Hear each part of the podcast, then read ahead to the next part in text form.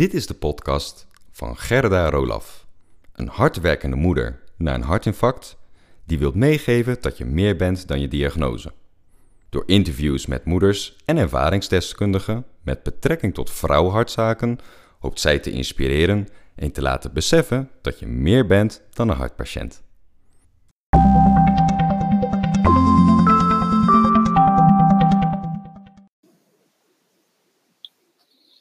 Ja, hallo allemaal.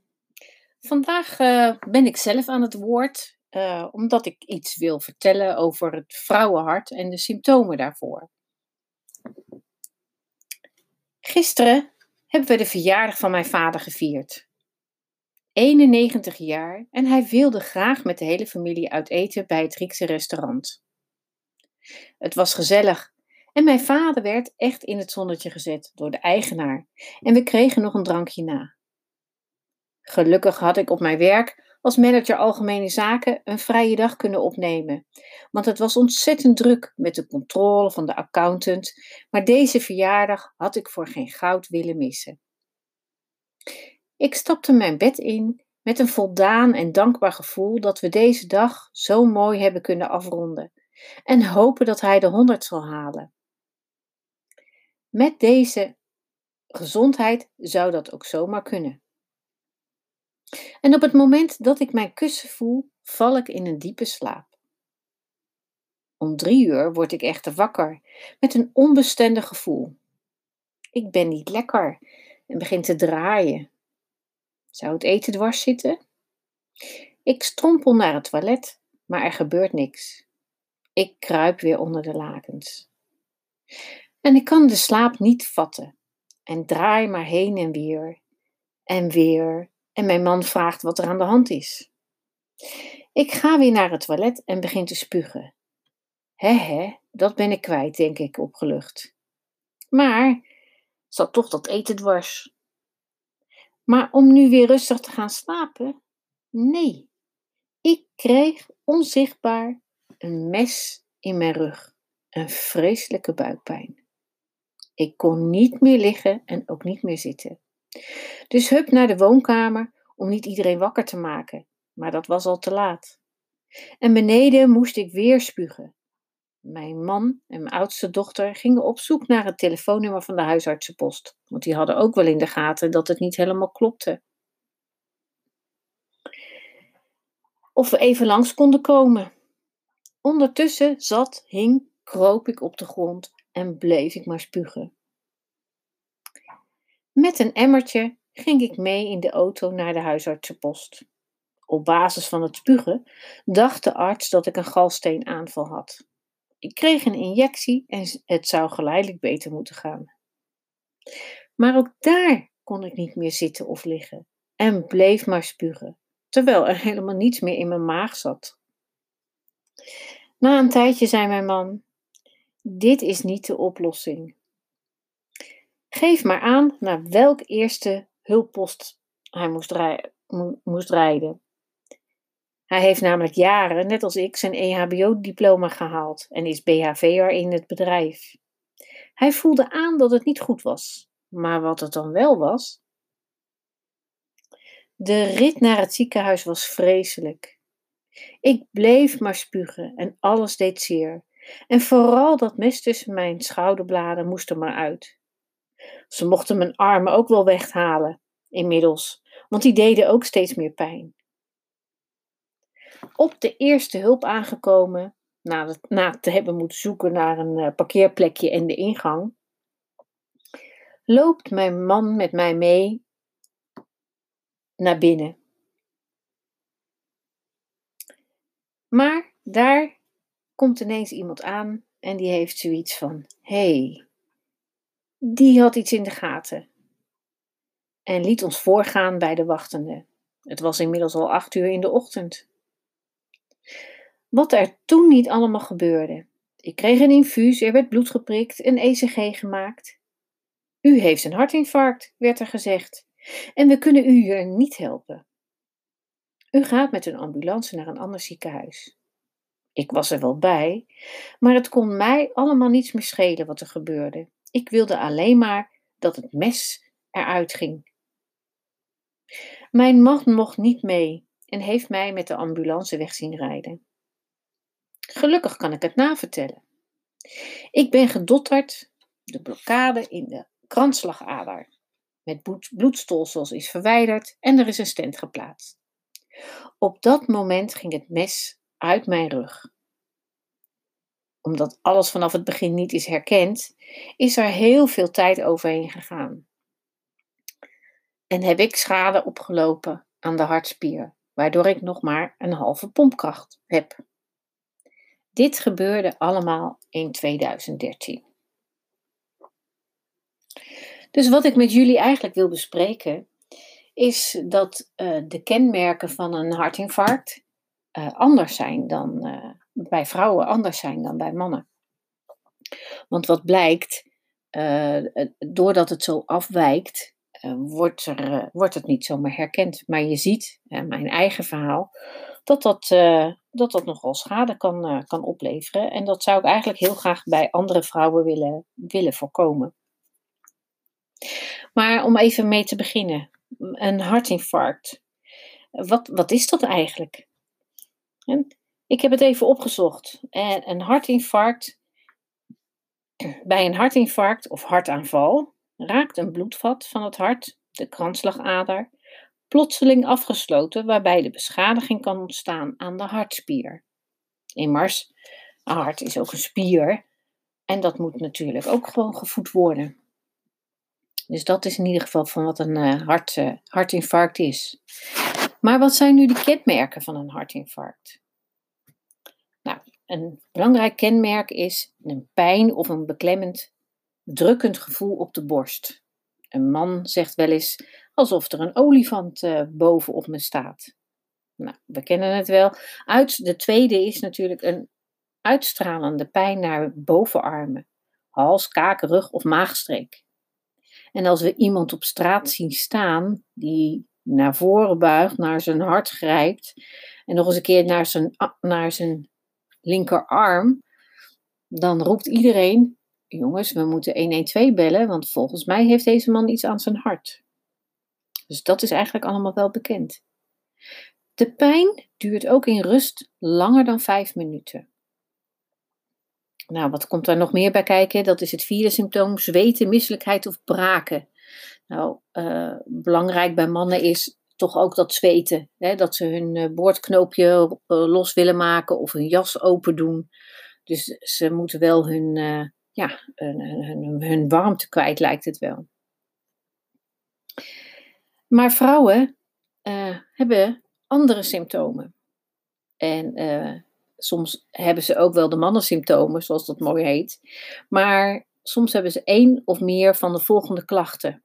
Nou, de pijn in de maagstreek, de kaak, nek, rug, tussen de schouderbladen. Nou, luister maar naar mijn verhaal. Dat mes tussen mijn schouderbladen was daar dus duidelijk één van. Dan het volgende punt is kortademigheid. Van, kan je uh, ja, het, het, lijkt op hyperventilatie. Je, je, je haalt snel adem, maar dat is ook logisch, omdat een deel van je hart geen zuurstof krijgt. En nummer 7 is extreme moeheid. Je kan ineens ontzettend moe worden. Nou, dat viel bij mij nog wel mee, de moeheid, maar ik had zoiets van: ik richtte me alleen maar op de pijn en de rest kon me niks meer schelen duizeligheid. Ja, je, je kan je gewoon helemaal draaiend voelen. Ehm, dat was bij mij niet zo. Uh, ik had wel last van nummer 9. Dat is een onrustig gevoel, angst en een snelle ademhaling. Dat onrustige gevoel, dat kwam gewoon omdat ik niet meer kon zitten, niet meer kon liggen. Je eigenlijk misschien wel weet dat er iets niet klopt. En als laatste was bij mij heel duidelijk de misselijkheid en het braken want nadat je één keer hebt gespuugd en je maaginhoud weg is, uh, blijkt dat je een reflex uh, hebt en dat je blijft spugen, ook al zit er niks meer in. En je kan je misschien voorstellen hoe erg dat is dat je een aantal uur achter elkaar spuugt. Dat zijn dus gewoon de symptomen van een hartinfarct. Maar als we even kijken naar die laatste allemaal, hè, de arts van dienst bij de huisartsenpost dacht dat het een galsteenaanval was. Nou, dat lijkt er natuurlijk wel heel erg op. Uh, mensen die pijn, pijn hebben in de maagstreek, dus die denken echt uh, uh, ja, dat, het, dat het daaraan ligt. Gewoon in combinatie met dat we gisteren uit eten waren geweest. misvallen, dat zou allemaal zomaar kunnen. er zijn misschien nog wel meer symptomen die, die ergens anders op lijken. Het is alleen zo jammer dat je kan natuurlijk dingen uitsluiten. Dus hoe meer vrouwen weten dat dit ook belangrijke kenmerken zijn van het vrouwenhartinfarct. En dat is natuurlijk ook voor, uh, voor mannen, maar ook voor medici. Uh, sluit het dan maar uit. Sluit dan maar uit wat de symptomen zijn van dat hartinfarct. En dan ga dan op zoek naar iets anders, wat het dan zou kunnen zijn. En zelf heb ik natuurlijk op 5 maart 2013 dit meegemaakt. En tot mijn grote verbazing uh, herhaalde zich dat in 2017. En om op precies te zijn, 25 augustus.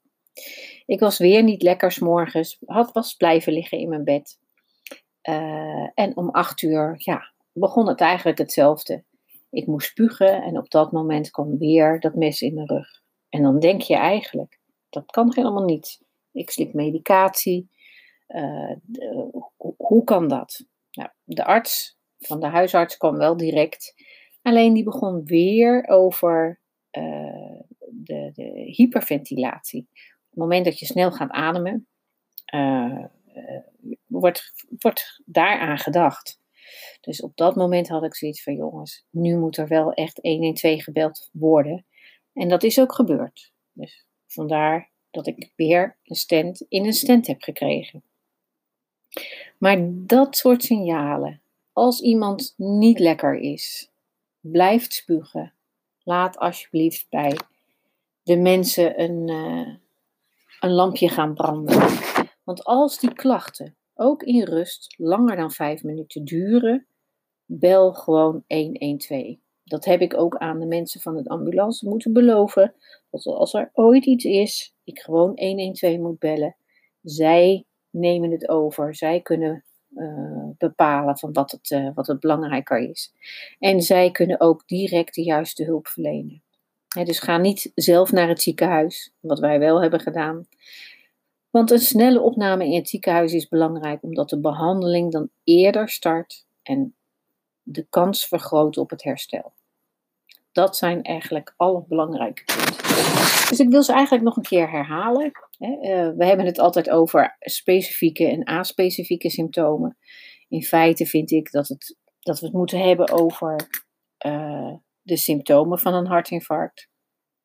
Uh, want er zijn ook mannen die deze symptomen hebben.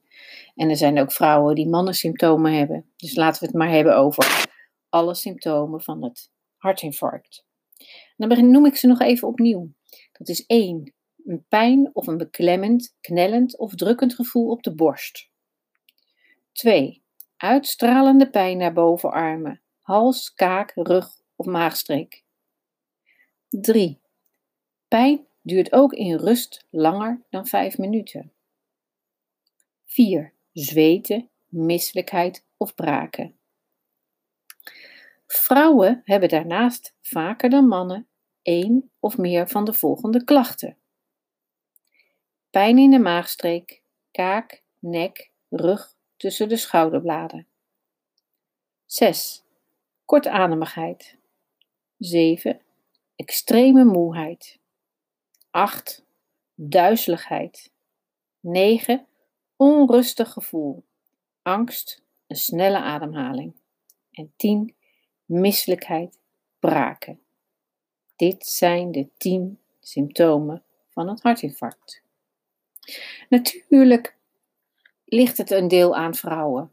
Of ligt er een deel aan vrouwen. Vrouwen uh, weten het niet goed. Maar daar zal ik in een volgende podcast aandacht aan geven van uh, wat eerder signalen zijn van het hartinfarct.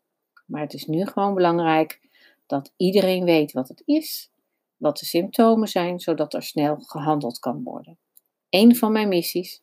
Dus als jullie iemand weten die een verhaal wil horen over, het, over de symptomen van het hartinfarct, ben ik altijd bereid om daar een lezing te geven. Want wat we eigenlijk vergeten te vertellen in, uh, in alles, is dat er 53 vrouwen per dag overlijden aan hart- en vaatziekten. Ik heb het opgezocht uh, tussen in de leeftijd uh, 45, 65 jaar, en dan heb ik het specifiek over hartinfarcten, overlijden er 950 vrouwen. Uh, dat zijn er uh, meer dan twee per dag aan een hartinfarct. Dus het is gewoon heel belangrijk. Natuurlijk zijn er ook andere ziektes die belangrijk zijn, maar voor het algemeen is, zijn hart- en vaatziekten eigenlijk de grootste doodsoorzaken in Nederland. Dus iedereen moet weten wat hij eigenlijk moet doen. Ik wil jullie uh, bedanken voor het luisteren. En uh, ik zal, uh, als je de podcast gedownload hebt of hebt geluisterd en je wil een kaartje hebben waarin de symptomen nog eens een keer voor je uitgetekend zijn, dan zal ik je die op jouw verzoek toesturen. En wil ik je gewoon nu bedanken op deze vrijdag voor het luisteren naar, naar mijn verhaal. Dankjewel.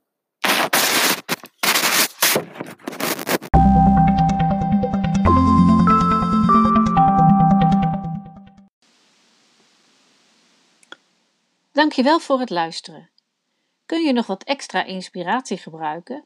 Vraag dan mijn gratis 21 inspiratiemomenten aan. Je ontvangt er elke dag één in je mailbox.